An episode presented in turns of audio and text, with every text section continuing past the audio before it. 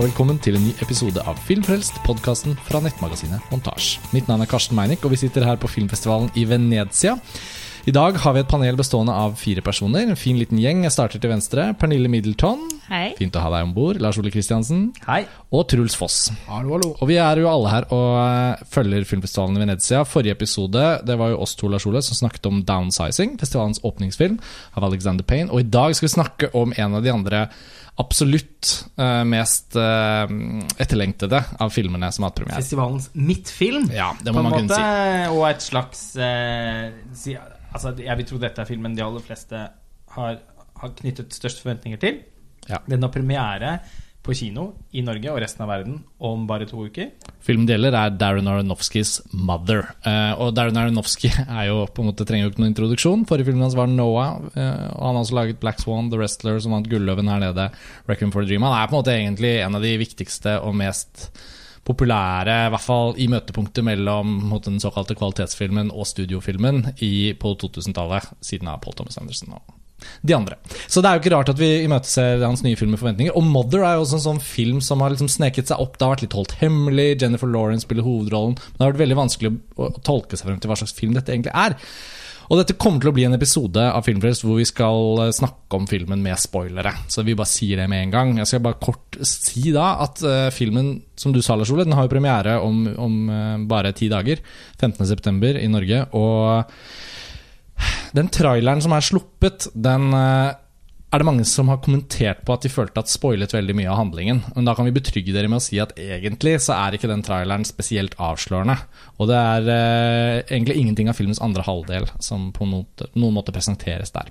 Men likevel så føler vi at det er en film som er så mye mer interessant å diskutere hvis man ordentlig snakker om den, enn å liksom trippe rundt grøten. Så vi kommer bare til å Det nytter ikke. Nei, altså, man er nødt til å spoile den. Så vi får, bare, vi får bare si at vi har sett den uh, nye Aronofsky filmen i dag, og dere får bare høre på denne episoden uh, når dere får sett filmen selv da, om knappe ti dager i Norge. Så, altså, Mother. Uh, hvor skal vi begynne? Hvem vil begynne? Truls, hva slags forhold har du liksom, hvordan, Hvor høye var forventningene i dag for deg? De var ekstremt høye. Jeg har veldig stort forhold til Darren Aronofsky. Jeg husker når eh, fra ti, Før Black Swan, Black Swan også, men Black Swan var på en måte kjerneeksempelet der. Da det var pressevisning, jeg hadde et mareritt om at jeg forsov meg til filmen. Eh, noe jeg ikke gjorde, og våkna i en sånn gledesrus allerede da. Og gikk ut av etter pressevisningen med tårer i øynene av glede. Og Altså Den pressevisningen av Black Swan Det er en av de største kinoopplevelsene jeg har hatt eh, i hele mitt liv, tror jeg. Da var det nesten så jeg eh, Da var det nesten så jeg måtte bli holdt i eh, når jeg var på vei ut av salen og nærmest ropte ut i Oslos gater om hvilket mesterverk den filmen bare kommer jeg aldri til å glemme. Eh, er det, bare for en kjapp runde på det. Black Swan er jo en markør her. De fleste er vel enige om at det er hans beste film. Er, er vi alle fire enige om det? Ja, vi er enige om det. Eller ja, jeg er enig i det. Du føyer deg til det? Ja, Eh, men også men- The Fountain for meg da ligger ganske langt opp der. Ja, ikke sant? For The Fountain den trakk jeg jo ikke frem i innledningen her, og, og vi har jo også vi har jo også med å gjøre en egen, egen skala, Lars Ole. Altså, om filmer kan få mer eller mindre prosent av Black Swan. Det er jo Ar- Aronofsky-skalaen, som du bruker ofte eh, Ja. i, i vurderinger av 10% filmer. mer Black Swan hadde gjort den Kommer ut av en hvilken som helst film på festival som kanskje har noen ekkoer av noe Aronofsky-lignende. Husker jeg sa noe om Anne Sewitskis De nærmeste, eksempel Den eh, filmen hadde gått av 30% mer av Ja, Aronofskys kanskje 40 til Jeg sa det, tror jeg, også på Filmfrelst om Birdman i Venezia eh, Den gangen. for fire år siden. Mhm. Denne filmen hadde hatt godt av 10% Black Swan i den siste akten. Så, um, så det, det, det en veldig innflytelsesrik film. ja. For, og, altså, det er en av de formative, altså, Ja. formative filmene for oss i, Ja, og- mens vi har drevet Nettopp, vi har drevet montasje. for den har kommet på kino. Requiem for a Dream rystet oss i ungdomsårene. Uh, altså, han, er jo, det er, han er virkelig en filmskaper man har fulgt med veldig sterk interesse. Og man kan si at han har laget Med Mother nå, så har han eh, på en måte laget to trilogier. Ja, for Du har jo liksom bygget denne teorien nå i timene frem mot opptaket. Vi så jo Ja. filmen i morges, og så har vi vært på pressekonferanse og sett Aronofsky forklare og snakke, og Jennifer Lawrence hele gjengen, og så har vi fått diskutert den litt. Jeg tror det er Men- en er- overraskelse hvor den plasserer seg. Ja, og, og, og der, Vi har gledet oss litt til å snakke om dette filmen nå, fordi Og grunnen til at jeg ville ha den forventningsrunden, kjente jeg selv, det var jo litt med at liksom Det må ikke være noen tvil for lytterne om graden av forventninger i møte med Mother. Nei. Som, som Ja, til, Aronofsky-entusiasmen var det vil jo komme veldig til syne når vi går inn i filmen. da Helt klart. Og, ja, Disse eh, to trilogiene, dette er jo kanskje til og med første gangen noen eh, legger fram. basert på traileren sånn, så tror jeg mange, i meg selv inkludert, har tenkt ok, Aronofsky returnerer til horror. Eh, og, um, man, og den er skutt på 16 mm. Eh, tilsynelatende med en del stilgrep som kan minne om Black Swan. Eh, samme type bruk av sånn eh, over, altså over the shoulder shots og i det hele tatt. Det så man allerede i traileren. Eh, men eh, man har jo allerede en slags selvskadingstrilogi, eller en kroppstrilogi, som Aronofsky har laget med 'Reckon for a Dream' og 'The Wrestler' og 'Black Swan'. Mm. Denne her, overraskende nok, ble heller den avsluttende delen Sikkert ikke tenkt sånn, da, men, men det er jo gøy å Ja, det er vår oppgave. det er vår oppgave å sitte og lage disse trilogiene. Jeg tror ikke Bergman tenkte å lage trilogien om Guds tystnad heller, men det har bare blitt sånn. Ja. Eh, den ble på en måte en avslutning av eh, bibeltrilogien, eller tro og tro-trilogien, eller hva man skal kalle den, eh, som starter med The Fountain. Ja, for The fortsetter Fountain- i Noah.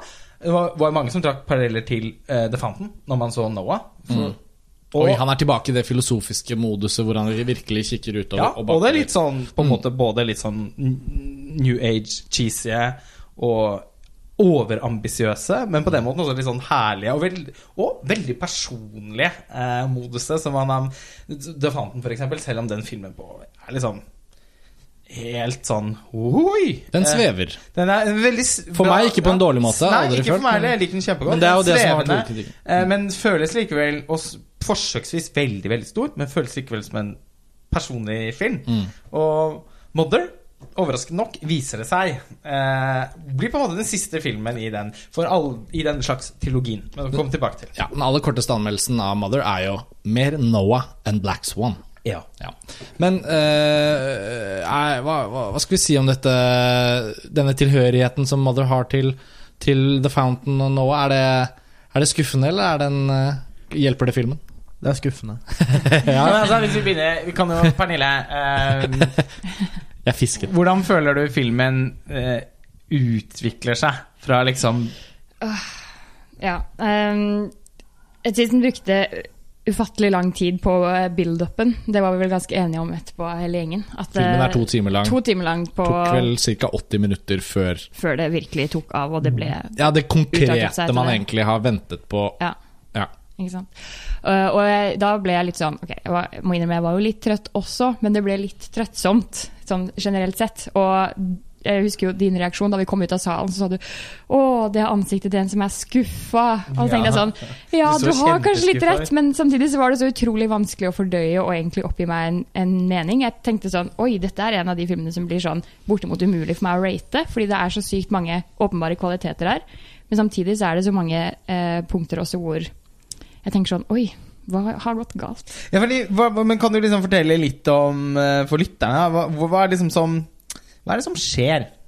Hva som skjer? Altså Ja, um, det er jo litt sånn ja, Home invasion ganger to, på en måte. Hvor uh, vi befinner oss veldig øde ute i et veldig stort hus som Jennifer Lawrence har eh, renovert helt alene. Hvor hun bor sammen med Javier Bardem, uh, som er forfatter. Prøver å skrive, har ikke skrivesperre. Bak enhver stor kunstner som ja, en oppofrende kvinne, skal filmen fortelle oss. Og det er åpenbart at det er noen problemer mellom disse. Kommunikasjonen er vel ikke helt på plass. Det ser du veldig ofte i ansiktet hennes spesielt, hvor hun ser undrende på ham bare sånn men, men hvorfor sier du dette, eller hva er det du mener? Har du ikke liksom konsultert med meg? Og, og så får de I'm gonna write today. I Ja. want to write. Og hun er veldig I søt want og to paint this room oppmuntrende. today. Ja. Så det finner hun glede i, da. Veldig dekorativ dame. Og så får de plutselig veldig mye besøk. Sånn ekstremt besøk. mye besøk. Og hun er ikke helt glad for det, men han omfavner dette. Og så blir vi sånn Men hvorfor det? Hvorfor er du så Hva er det med deg? Og så etter hvert så begynner vi jo da å forstå mer og mer av disse religiøse undertonene, og kanskje hva det ligger bak. Altså, ligger bak. Ed Harris eh, ringer på døren, eller banker på døren, tidlig, veldig tidlig i Hvis man har sett litt film, så er det alltid en bekymring når Ed Harris ringer på døren. Er det! Han spiller den samme rollen som han har gjort mange ganger før. Men det er en veldig kostelig rolle, da. Som han gjør til perfeksjon i Mother. Eh, hvor han spiller en, en lege som, som da liksom har trodd at der er det bed and breakfast. Han har liksom misforstått noe. Og Javier Bardem sier 'Å, nei, men kom', og, gå hjem nå midt i natten og bare bli her. Som i et folkeeventyr, på en måte. Jennifer Lawrence meget skeptisk. But we don't know him. Ah, he's alright, he's a doctor. Eh, og så mm, får eh, Ed Harris og Javier Bardem en sånn kjempekjemi. For det viser seg at Ed Harris er hemmelig, hemmelig fan, og Javier Bardem er veldig mottagelig for ros. Så da Ja. åpner de lommelerken. Jeg må bare skyte inn at jeg likte den delen veldig godt. Ja, Altså, Ja, dette er jo ikke filmens store problem. Dette er jo veldig tidlig. Og veldig bra. Og for, helt fra han kommer til han eh, Ja, han blir jo over natten, og Kona kommer. Ja, kona kommer etter hvert, men helt fram til hun kommer, så syns jeg det var ekstremt spennende. Eller altså, Også deler når Michelle Pfeiffer, som er kona hans, kommer inn. Hun spiller fantastisk bra. bra. Ja. Og eh, de er veldig bra par, eh, hun og Ed Harris. Og når hun også kommer og Ah, du har en kone! Og så liksom og Jennifer, Men skal de begge nå For nå vet han jo at det ikke er bad and perfect. Slutt å tulle! Kom! Vi må ikke være så Han skal liksom være så raus og rund i kantene, han Javier Bardem. Men hun som prøver å pusse opp huset, og hva er det som skjer, på en måte? Og så eh, går liksom filmen inn i en fase hvor Michelle Pfeiffer og sånn skal begynne å, begynne å utfordre Jennifer Lawrence på hennes rolle i hjemmet, hvor filmen får en litt sånn kjønnspolitisk dimensjon. Eh, hun henger, men vi ser er ganske sånn overtydelig, da, men Jennifer Lawrence hele tiden så enten så reparerer hun og holder på med noe eh, for å eh, rest fortsette restaureringen av huset, eller så vasker hun noe, tørker opp noe, ordner noe med vaskemaskin ned i kjelleren. Stresser over de andre, hva de gjør. Yes. Men vi må ikke også glemme at hun får jo en del sånne på en måte syner. Altså Filmen er jo ikke realistisk hele veien her. Det er det jeg skulle fram til. Jeg synes den første, eller som jeg, Nå har jeg rukket opp hånda litt. på det. Men, uh, Lytterne når- visste ikke det, men når, disse. Ja. når Ed Harris kommer og Michelle Pfeiffer, og det blir dette liksom underlig man, liksom, Hva skjer? Javier Bardem tillater de å komme inn og bo der, hun er stressa for det. Og så har hun noen sånne sekvenser hvor hun holder inntil veggen når hun skal male de veggene. Og da ser, hun, da ser du et hjerte, hun får syner av et hjerte som råtner, eller ja, brenner opp. Og i starten av den første på en måte halvtimen med dette, syns jeg fungerte veldig godt. Da var man liksom nysgjerrig. Hva kommer det til å lede til, osv., videre, og Så så har den noen sånne ekko- Vekselvirkninger der. Og den har noen ekko av andre ganske effektive sånn home invasion-filmer. Der man tenker på Funny Games. Jeg tenkte ganske mye på The Killing of Sacred Deer, som var i Cannes i år. Eh, og jeg tenkte selvfølgelig på Rosemary's Baby. Det er ikke noen home invasion-film, men det er en film med tidenes grusomste nabopar, som uh, blander seg mer og mer inn i uh, ja, Mia Farrow og John Cassavetes eh, samliv. Og, og altså, jeg, det er umulig altså, Når det er sånne påtrengende slags nabofigurer som, som, som eh, Ja, så når de da blir veldig sånn opptatt av at du må drikke dette du må drikke, du må, Da er det veldig vanskelig å ikke tenke på Rosemary's Baby. Og plakaten, den ene plakaten, en av de mange utrolig kule plakatene som ble laget i Mother, er jo også en sånn direkte referanse til Rosemary's Baby. Jeg syns at Aronofsky skal ha et veldig stort plusspoeng for akkurat den biten der, og mystikk. Fordi at han opprettholder den særdeles godt. Ja, ja. Før vi skjønner noe som helst. Og jeg lot bemerke spesielt ett klipp som jeg ble sånn der Oi, nå er jeg superintrigued. Det er når Ed Harris begynner å kaste opp i løpet av natten. Og Javier Bardem står og hjelper han. Og Jennifer Lawrence kommer inn og, og skjønner ingenting. Men, men hun, hun legger merke til at Javier Bardem sin karakter Han skjønner litt for mye, og så er hun ikke med på greia. Og så ser du at han bare gir sånn raskt sekund dekker over et slags sår han har på ryggen, og smeller døra igjen. Og tenker sånn Ok, hva er det for noe sinnssyk horror vi skal få servert nå? Ja! Da ble jeg superintrigued. Ja, og så dabbet det litt av. For det vi kollektivt litt skal frem til nå, føler jeg, for å oppsummere handlingsbeskrivelsene, det er jo det at filmen, og egentlig da markedsføringen frem mot at vi nå har sett den Altså hele liksom presentasjonen av hva det er vi skal inn i, er veldig ladet av at det skal komme noe. Dette er bare veien til det som kommer. Og når man, når man fokuserer så mye, både som filmskaper, i markedsføring alt, alt, skal liksom lede opp til hva filmen skal bli, så blir jo også fallhøyden ganske høyt i forhold til sånn Hva er det hva, ja, men så, hva er det, da? Uh, og jeg foreslår på en måte at vi hopper rett til å diskutere hele filmen uh, i seg selv. Fordi uh, fra å gå disse små musestegene som vi nå beskriver, da, narrative musesteg sånn, oh, der kom det, og så kom det noen. Så er det på en måte Det var vel etter en time cirka fortsatt sånn eh, at, Faktisk lengre. at det gikk i det små. Ja, ja. Fordi jeg begynte etter hvert faktisk å kjede meg litt. Fordi det gikk i repetisjon hele tiden. Og da det var det 1 time og 20. Det begynte å skje Mm. litt mer, men det var ganske lite. Det kom kommer jo flere og flere og flere og flere og flere, og flere folk. Eh, Og brø, altså sønnene, sønnene til Michelle Pfeiffer og Ed Harris kommer jo, og han ene slår den andre i hjel. Eh, og, og det blir jo på en måte økt dramatikk, men det er fortsatt på en måte Men det er sånn noe dramatikk som vi på en måte er veldig sånn distansert fra. Ja. Hvem er de altså, Det blir Ja. Det, det, det er der fortell- filmen begynner- tilfeldig, Ja, for meg er det der filmen begynner å falle sammen. Ja, når hun vasker opp den blodflekken, og det er litt sånn Det blir hull i gulvet, veldig rart. Men så blir det ikke liksom forfulgt, så blir det ikke liksom til noe.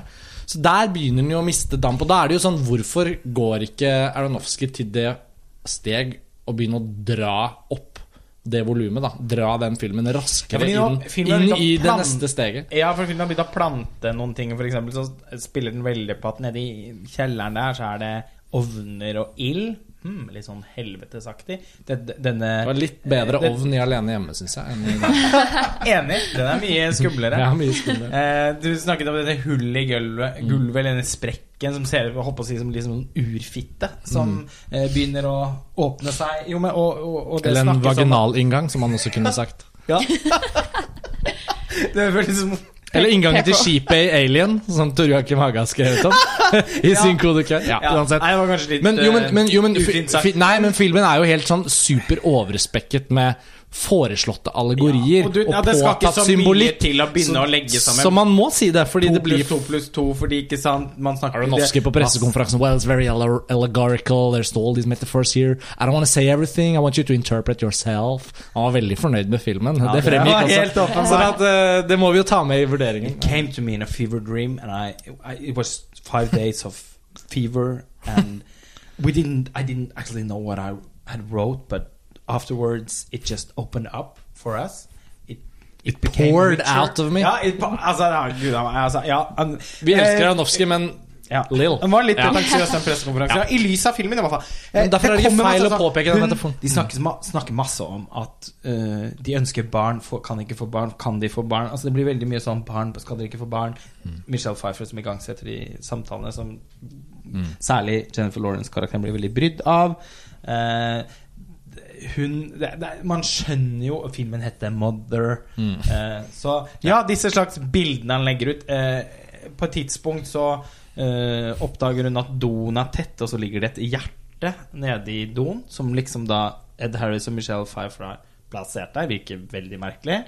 Eh, jaha. Eh, hun driver Tiltagende tåpeligheter i symbolbruken Men vet vi at det ikke var sånn- syn, At det ikke var syn? Nei, vi vet ikke det, men det Nei, føles liksom ikke begrunnet. Det er ikke noe grunn til å være det. heller. Skulle bare klippet ut hele dritten. Og så den der, de der gule greiene hun drikker. Mm. Som, Ja.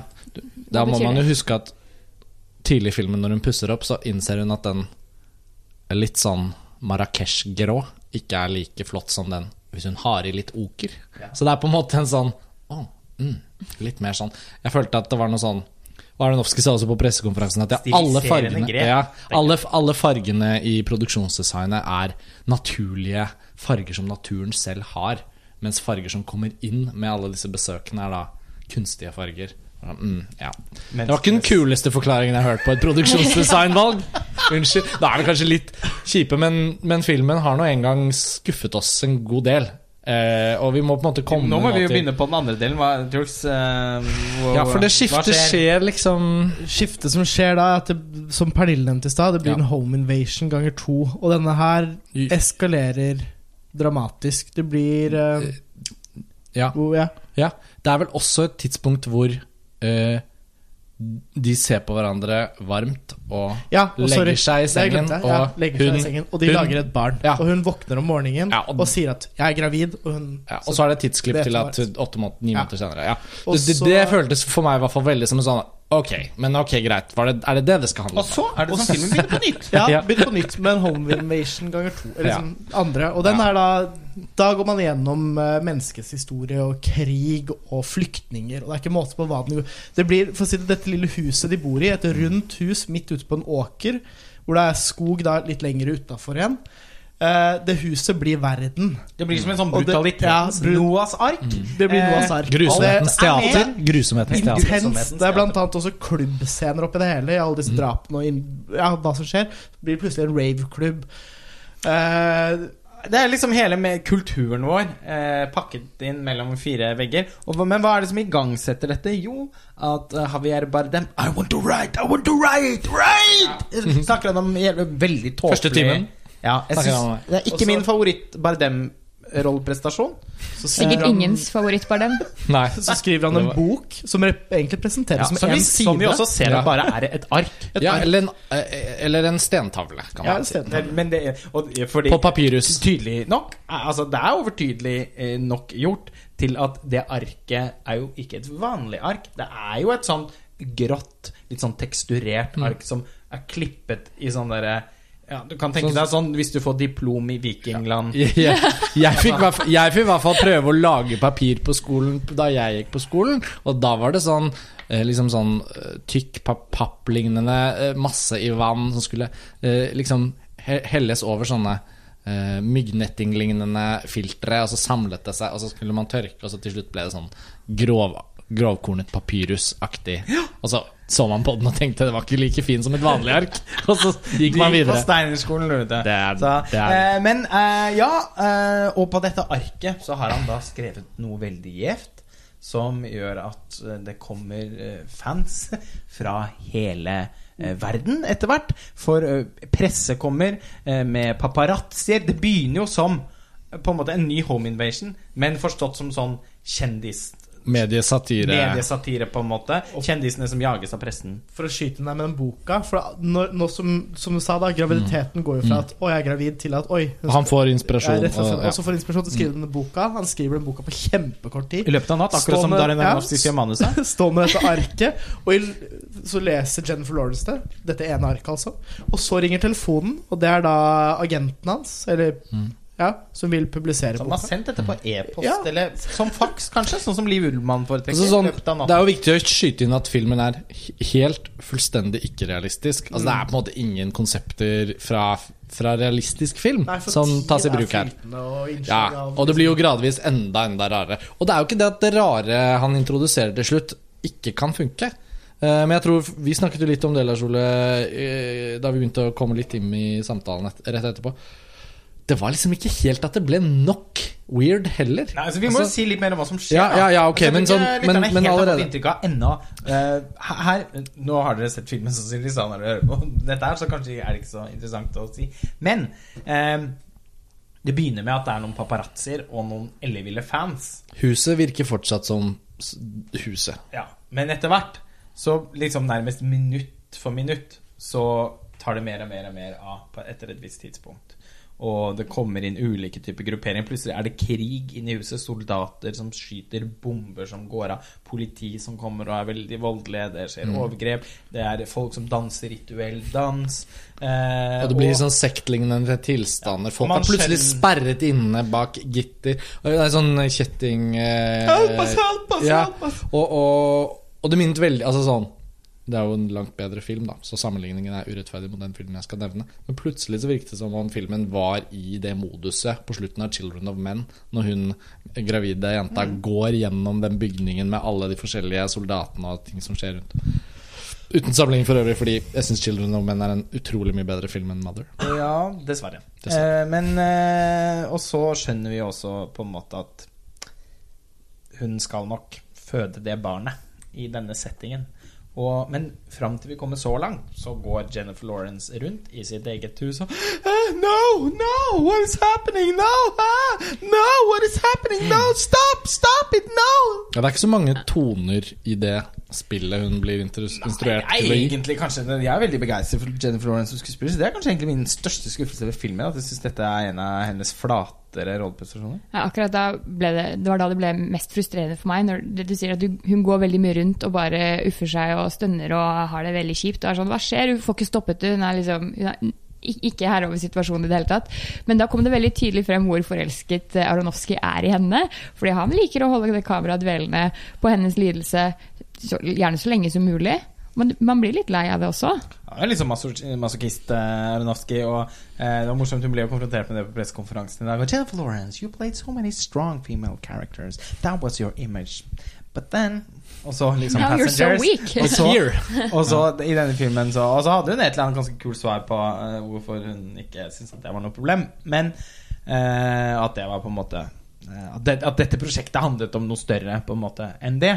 Men eh, Men ja, altså det er, blir jo litt sånn stereotypisk på en eller annen måte. Hvis filmen skal ha en slags kjønnspolitisk agenda, så er det veldig underlig at hun er så lidende og passiv og kjedelig. Altså, hun har på en måte heller ikke noen egenskaper.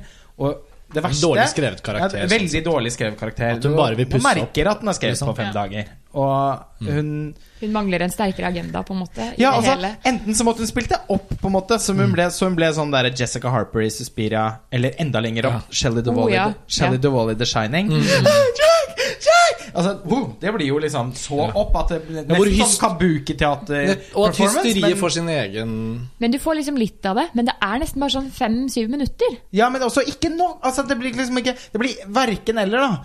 Altså, og, og hun klarer ikke å spille, og, og er heller ikke gitt en karakter som evner å gripe meg, i hvert fall. Eh, altså, sett kontrast altså, Black Swan, da, men kon, det blir en sånn retorisk kontrast, da, men liksom, etter fem minutter, når Natalie Portman, Portman går inn på do og ringer hjem til moren sin låser seg inn på do, ringer til moren sin og begynner å gråte og forteller at hun har fått den rollen.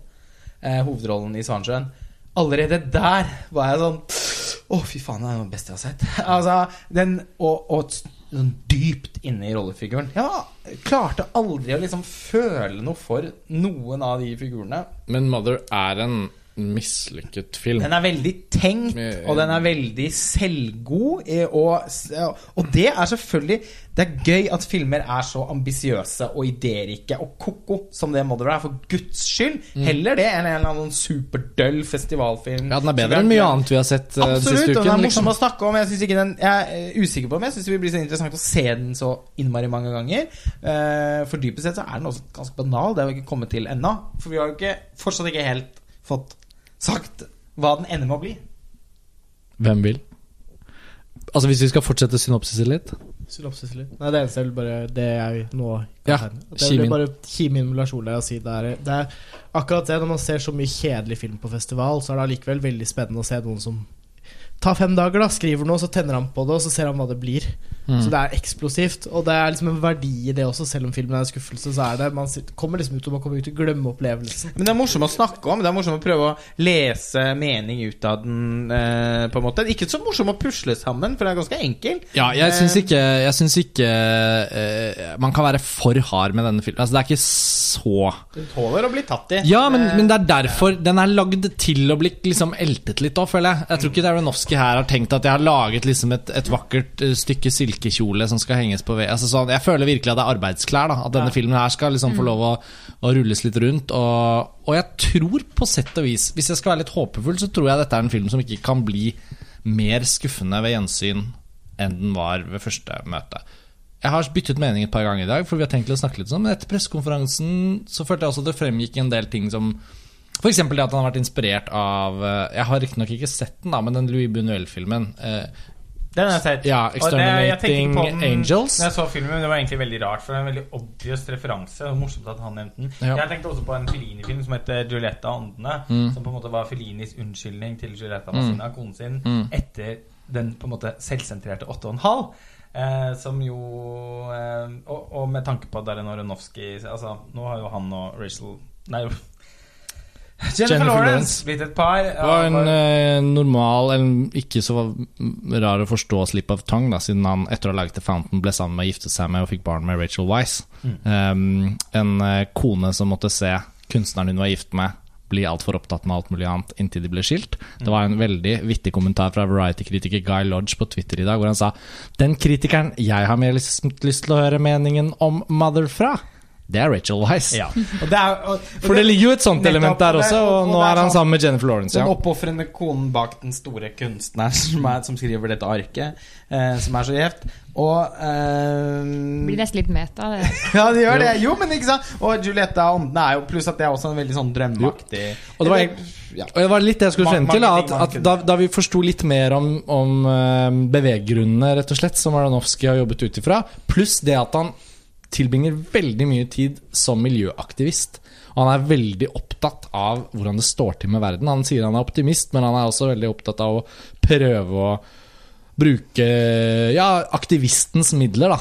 Men han er jo også en filmskaper som snakker til millioner av mennesker når han lager en film. Så man merker jo også at 'Mother' er en film som kommer Kjenner fra jeg at det kan nok, bli, bli, kan nok bidra til å ødelegge kunstnerskapet hans òg. Jo, for det er det jeg skal frem til. At jeg følte at 'Mother' på en måte blir en sympatisk film når man skjønner litt mer om hvor den kommer fra, men det er også en mindre det, det blir åpenbart at det i mindre grad var et mål for Aronofsky å lage først og fremst et tindrende, velfungerende, fantastisk filmkunstverk.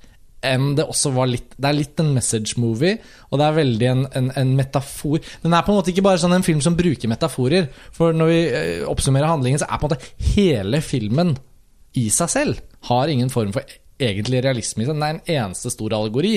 Og det er jo også en litt sånn Filmen er- vanskelig sjanger å gå inn i. da Det er jo ofte noe som fungerer bedre på teater eller Det er billedkunst. jo eller- hans bibelfortelling. Ja. Det er jo så enkelt som Javier Bardem er Gud. Han kan restarte verden Westworld-style, eller Edge of Tomorrow-style, Mm. eller Groundhog Day-style.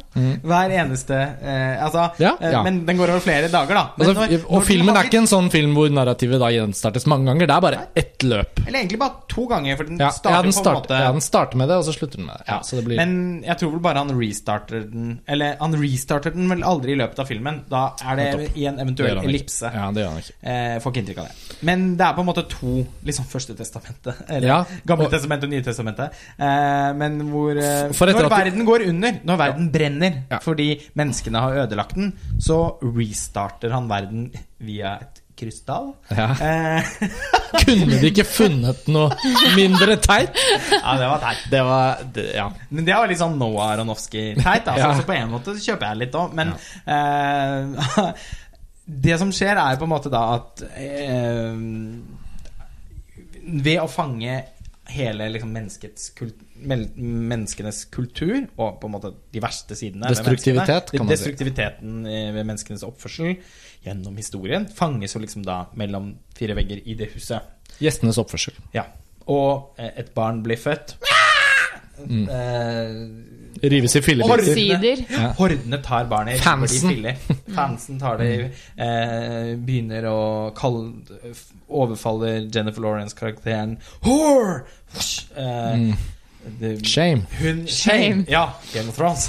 eh, og så, og så etter, Til slutt så bare brenner hun Hun sier fuck it, går ned i kjelleren, eh, skjærer hull i oljefyren og setter fyr og sprenger hele huset. ja, Det går til helvete, rett og slett. Men det er så bokstavelig òg. Nei, er det i kjelleren, da, hvor den ovnen er? Er det der det er helvete? Ja, det er der flammene starter. Det Det er ikke veldig ku- det er, Jeg syns faktisk den ideen er litt sånn musikkdansdrama tentamen. Det er ikke så kreativt. Nei, men det, nei. Det er første Det er tilgjengelige løsning òg. Det er så første for- metafor Det blir litt sånn metafor. forutsigbart når det først er i gang. Ja. Du ser det komme, og du ser også at det skal slutte på den måten. Og at det, jeg, jeg så også veldig den komme at det skulle starte på nytt. Og at det var en ny dame som våknet i sengen, og at det skulle starte Ja, at alt går i en loop, da.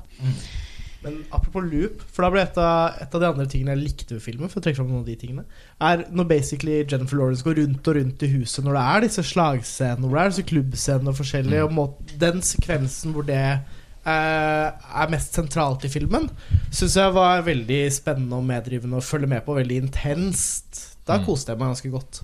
Og jeg er litt uenig. Jeg syns det var altfor lite sjokkeffekt. Jeg syns det kunne vært lagt på ekstremt mye mer. For sånn som jeg sa i stad, Den første gangen jeg ble ordentlig grepet, var da han eh, slang igjen baderomsdøra og dekte det såret. Da ble jeg sånn, åh, nå er jeg intrigued. Men neste gang jeg ble like intrigued, det var først da det lille nakkeknekket kom på den babyen. Ja. Fordi da, da, da tenkte jeg ok, Men- nå blir det vilt! Når babyen tisser. Ja, babyen tisser på folkemengden. Ja, men Og så hører du bare Misforstå meg rett, for jeg mente ikke sånn uh, brutalt eller noe sånt. Det var ikke det det handla om. Men jeg syns det i seg selv var en intens og spennende setting hvor de gikk rundt, og det var liksom alle disse tingene som skjedde, alt det man kunne se, og alt var på en måte pakka innenfor dette lille huset. Det syns jeg fungerte Ja, altså, godt. det, er ikke, det er ikke akkurat kjedelig å se på. Jeg synes det var veldig, sånn, jeg var veldig spent på hvordan filmen skulle få en ny dimensjon. på en måte Men jeg er enig med deg. Ja.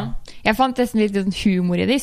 På den andre Home Invasion, når det ble en sånn stor fest hvor hun går rundt, så fikk jeg veldig sånn throwback til å være 16 år og ha hjemmefest uten å få lov. Sånn Nei, gå ned derfra! Ikke sitt på vasken! Pass på, den er ny! Ikke sant? det varer Da fikk jeg lenge. Veld, Ja, det varer veldig lenge. Men da tenker jeg sånn her, er ny, ja, ja. da tenker jeg sånn Her kan noen folk kjenne seg en folk her som har hatt hjemmefest, vet at det er jævlig stress å ha så mye folk på besøk. Fordi ting knuser, ting blir ødelagt. Men det blir så veldig mye verre enn det. Men det var egentlig morsomt. Jeg Det var humor. Ja, Det var kjempemorsomt sagt. Uh, og den, uh, og, Det var litt hjemmefest-feeling. Helt klart. Og mens hun er liksom what to expect when, When you're when expecting. you're expecting, som Robbie Collins skrev på Twitter. Eh, ja, det blir litt lol. Eh, jeg er jo enig med deg, Pernille, at jeg tenker at hvis du først skal gå dit nå, Det hadde også eh, Det skal ikke filmen få lov til å lide, lide av, men kvelden før, så, eh, før den ble vist, hadde verdenspremiere for pressen i Venezia i dag, så ble den jo hadde Darren vist den til noen venner Ja. og noen folk i USA, og så lika det ut noe på Twitter som var sånn denne filmen kommer til å bli, være den mest, bli den mest kontroversielle filmen siden A Clockwork Orange. Å sette standarden der er jo bare helt Ja, bare sånn filmen sykt sånn, dårlig gjort. Ja, beyond uh, hva du kan forvente deg. Så drøyt at du aldri har sett noen ringene. Så dark, dark, dark, dark! Og Og liksom den bare fucker deg opp, og Ja. livet blir ikke det samme igjen. Og tenker sånn Ok, challenge accepted, liksom. Jeg sa bring it. Ja, Drep her. meg, da, men det klarte han ikke. Nei, vet du hva? Altså, det er ikke noen Antichrist eh, Darren Aronofsky har lagd. Og det, er, det føles jo nettopp som om han forsøker å strekke seg mot et sånt von Trier-nivå. og for å si det sånn, det har han jo klart før. Altså Reckon for a Dream. Eh, det er ingenting som Mm. Vi. tilbake i den filmen. Det Men husker jeg ga en Ja, men det er litt for mange stjerner, og det er litt for mye Paramount, og det er noe et eller annet med at han kan Altså sånn Ja da, den er liksom lavbudsjett i forhold til Noah, sånn, men den er jo ikke det. Det er ikke lavbudsjett sånn som The Wrestler og Black Swan og Reckon for a Dream var det. Så han mister noe i det. Han klarer ikke Altså, han, han, han har jo han, han prøver, ja, Det fremstår som at dette er sånn uhyre kompromissløst verk fra hans side, ikke minst på den pressekonferansen i dag. Men jeg følte jeg så kompromisser rundt hver eneste sving. Jeg. For hvorfor var det ikke jævlig mye drøyere og mørkere, sånn som den verden vi lever i? Hvorfor var det ikke en voldtekt eller to, liksom? Jo, og, og, jo, men altså må Hvis det er lov å men, si. Ja, det er lov å si, for man ser den filmen, og det det er på en måte Han har et ønske om å fortelle hvor jævlig verden er, hvis man speeder den opp og flytter hele verdens oppførsel og handlinger inn i to timer. Det er liksom det han skal vise oss. Nettopp. Men Så jævlige vi mennesker det er. når filmen er ferdig. Men det er ikke så jævlig å sitte på, feil, sitte på en vask som man ikke skal sitte på, og spille litt for musikk. Som Jennifer Lawrence sa til Darren Aronofsky på pressekonferansen Kan jeg si noe, Lars Ole? Uh, uh, det er umulig å ikke tenke på filmen som en bibeladaptasjon når den er ferdig. Og for meg var det helt innlysende. Altså, Ed Harris og, og Michelle Pfeiffer Jeg vet ikke hvem nødvendigvis de er, men sønnene deres er i hvert fall Kain og Abel. For Det er på en måte helt sånn påfallende man, når man har sett filmen ferdig. i hvert fall Så tenker jeg tilbake på den, og så er det sånn Ja, ok, to sønner som krangler om liksom hva foreldrene skal etterlate dem, nærmest. Og den ene slår den andre i hjel, sånn veldig sånn bokstavelig med sånn dørhåndtak. Den i seg selv burde jo vært verre. Altså, Hendelsene i Gamle Testamentet er jo så jævlige, og han har akkurat laget Noah. Han klarer liksom ikke å bruke engang Bibelens egen brutalitet når han gjør en sånn allegori, da, eller bibeladaptasjon. Kan jeg bare skyte at jeg synes, Det er morsomt at du sier det. Fordi jeg tenkte når det drapet skjedde med de brødrene, Mm. så syns jeg egentlig at det hadde ganske bra sjokkeffekt. Fordi det var før jeg egentlig eh, ble liksom eh, veldig opp, oppmerksom nok på at dette var veldig bibelsk. Jeg tror det, ja. Altså, det, Så siden jeg, før det, før jeg liksom var inne på det, så tenkte jeg ok. det var den første Ja, sånn hendelsen Så jeg tok ikke den referansen da det skjedde. Nei, så jeg syns jeg det funka kanskje litt. Jeg. Og jeg syns også Donald Gleeson var veldig god, må jeg si. Ja, han var bra i den korte, korte tiden han var med. Og det ga mer en sånn retrospektiv måte å tenke sånn. Jeg tenkte at det ble så over... Altså, når, når jeg mener Bibelen, så er det sånn Når filmen slutter med at Javier Bardem sier sånn 'Jeg er jeg', en sånn direkte sitat fra Gud Jeg er ikke noen teolog i det hele tatt her, så jeg skal referere, referere til bibeladaptasjonsmessige ut ifra en sånn parafrasering fra barndommen, på en måte. Eh, man hørte en historie som ble gjenfortalt på skolen. etter hva fra Gamle testament, sånn, sånn, sånn. Men det er, liksom, jo, det er veldig åpenbart. Hvis du begynner å eh, oppsummere ting i filmen, så er det sånn Å ja, ok, så det er liksom på en måte paradis. Og så Nå var det jo Adam og Eva som var mor og far til Kain og Abel, da, men, men den myten om Kain og Abel Den har jo sine egne tolkninger i jødedommen, i kristendommen, i islam. Ehm, og, og så dette med at eh, Bardem skal på en måte Han blir jo en slags form for sånn eh, ja, han er Gud, men sånn eh, Aronofsky, hvis man sier at det er en bibeladaptasjon, så er den jo helt sånn vill og fri òg. Det er ikke sånn at det skal ha sammenheng med ting som er eh, bokstavelig i Bibelen, sånn og sånn sånn. Men så blir det sånn han skal skrive dette verket sitt, og det er jo en stentavle med noen kloke ord, og alle bare sånn For han er jo ikke bare forfatter, han er poet. Liksom Og- og det er sånn- Guds ord. Ja. Men liksom, hva om det ble en bestselger? Og liksom Ja. Hadde ikke det vært kult om forlagsredaktøren til Gud bare Å, nå må vi få inn pressen, og han har aldri tid til kona, og kona skal føde den etterlengtede sønn. Det er en sønn, det er ikke en datter. Jeg synes jeg og, og sønnen si blir ofret. Og ingenting av dette jeg ramser opp, funker. Filmen er veldig artig å se, og den er mer interessant enn filmer som ikke prøver noen ting. Og det er gøy å følge Aronofsky, og jeg er like spent på hans neste film som jeg var til denne. Men eh, jeg syns jo liksom oppsummeringen litt er at det er en litt dårlig idé. Alle har Han fikk en idé som han syntes var kjempegod, og så bare In a fever dream I just Men, men det vi egentlig Ja. Men for å Var ikke så god idé. henge meg på det og avslutte det vi startet med Ønsket om en større sjokkeffekt eller en, en mer Men da må tydelig du gå helt ut i Mm, det er skogen. det, det, er det, jeg, i mener, det er det jeg mener. liksom. Ikke sant? At Ta oss Han dit, tar da. oppskriften fra von Trier, men eh, serverer Sam Rymies 'Drag Me to Hell' til middag. På en måte Ja. Det blir ikke like Å, den var. Veldig Den var god. veldig Bare hyggelig, god bare hyggelig. Jeg har sendt den ut på Twitter for fire timer siden, så den var forberedt. Men uansett. Eh, det var noe med at eh, han, han, han, han, sikter mot noe han virkelig ikke får til. Og det handler litt om hvilken oppgave han gir seg selv som filmskaper. Det var det vi sa om Alexander Payne òg. Downsizing. En idé som er veldig god, men en gjennomføring som på mange måter er sånn ah, Men du utnyttet jo ikke potensialet. Nei. Og hvis man skal ta potensialet til Aronofskys idé her, så tenker jeg sånn Slipp altså The Wrath of God fri, da. Altså, da Gå Skulle det vært en time med den drøyeste filmen noensinne, Ja, liksom. han, du skulle liksom hatt sekvenser fra de absolutt drøyeste ting du kan se for deg. Det, det, det er ikke det at man ønsker det. Man ønsker ikke å bli dratt ned i gjørmen av filmer. eh, Pernille noe morsomt. Ja, jeg, jeg, har, jeg har tenkt tanken, men eh, ta kort bakgrunn for det du nevnte, da, sånn at vi Nei, det var egentlig bare en litt sånn morsom sidegreie. Jeg sa legge inn litt mer Kaniba, men Ja. vi kan ikke begynne å gå inn på den Jo, nå. du kan kort gå inn på det, i hvert fall. Kan ikke du Hvis- gjøre det? Kaniba var en, kort, eh, var en dokumentarfilm vi så i går om Ja. en ekte kannibal som lever i Japan, og den var helt grusom å se på, og intens, og man gikk inn i porene på den japanske Ja. kannibalen. Og vi skal komme tilbake til den på en senere festivalepisode, men eksempelet er godt fordi vi har da altså for 24 timer siden blitt rystet av Og vi har sett tusenvis av filmer. Altså, det en av de mørkeste. mørkeste og grusomste filmene som er laget. Ja. Uh, og den skal vi komme inn på, for filmen som kunstverk er fantastisk god. Og når man da ser Det skal Mother liksom litt til å få Malgrela Nui til å ligne La La Land. Ja, den filmen Oh, der ja. var ikke langt unna. Nei. Så skulle vi sagt liksom sånn 20% mer Kaniba, så hadde Mother kanskje vært noe. Ja, her har vi en ny formel Hey! som ikke så mange kommer til å kunne forstå referansen til. For Kaniba, den er Den for får du dessverre ikke se. et utvalgt publikum. Nei, men altså, vi, får bare, vi må runde av. Eh, Vi skal Ja, herregud, vi må runde av. Men, men, videre.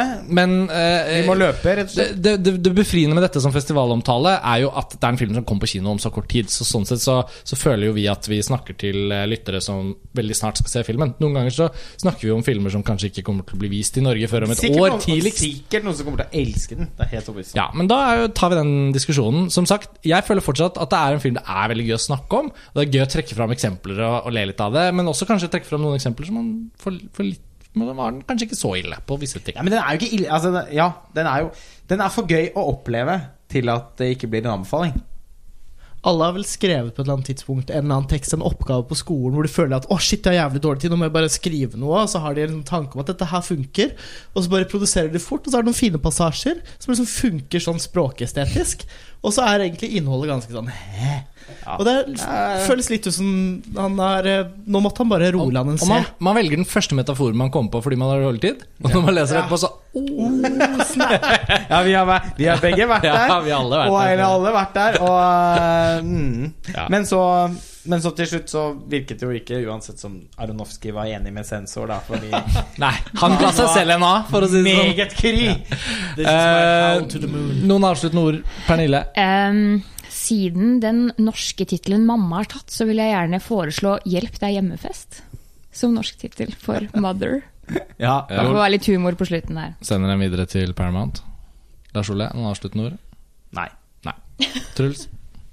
Skal du faktisk Jeg og Pernille skal bort og se den nå igjen på gallapremiere. Gleder oss masse, som dere sikkert skjønner. Så Skal også se den med de i salen og med Og høre om det med- blir buing. Det blir ja, buing med masse buing på pressekonferansen. Det er litt gøy å se den i en sal med publiko, som det heter der i Venezia. Ja, men det var festivalpodkasten om Darren Aronofskys Mother. Nok en gang, Den har kinopremiere fredag 15.9. Dere skal på den premieredatoen så skal dere først se Joakim Triers Thelma eh, før dere gjør noe annet. Og så kan dere Vesentlig bedre. Altså, det er mesterverk. Og så kan, dere se, og så kan dere se Darren Aronofskys Mother Yes. etter å ha sett Thelma. Yep. Det var mine eh, oppfordrende ord helt til slutt. Vi høres igjen snart. Takk for at dere hører på Filmfest, og takk til panelet her rundt bordet i Venezia. Ha det bra! Hallo. Ha det bra. Hei.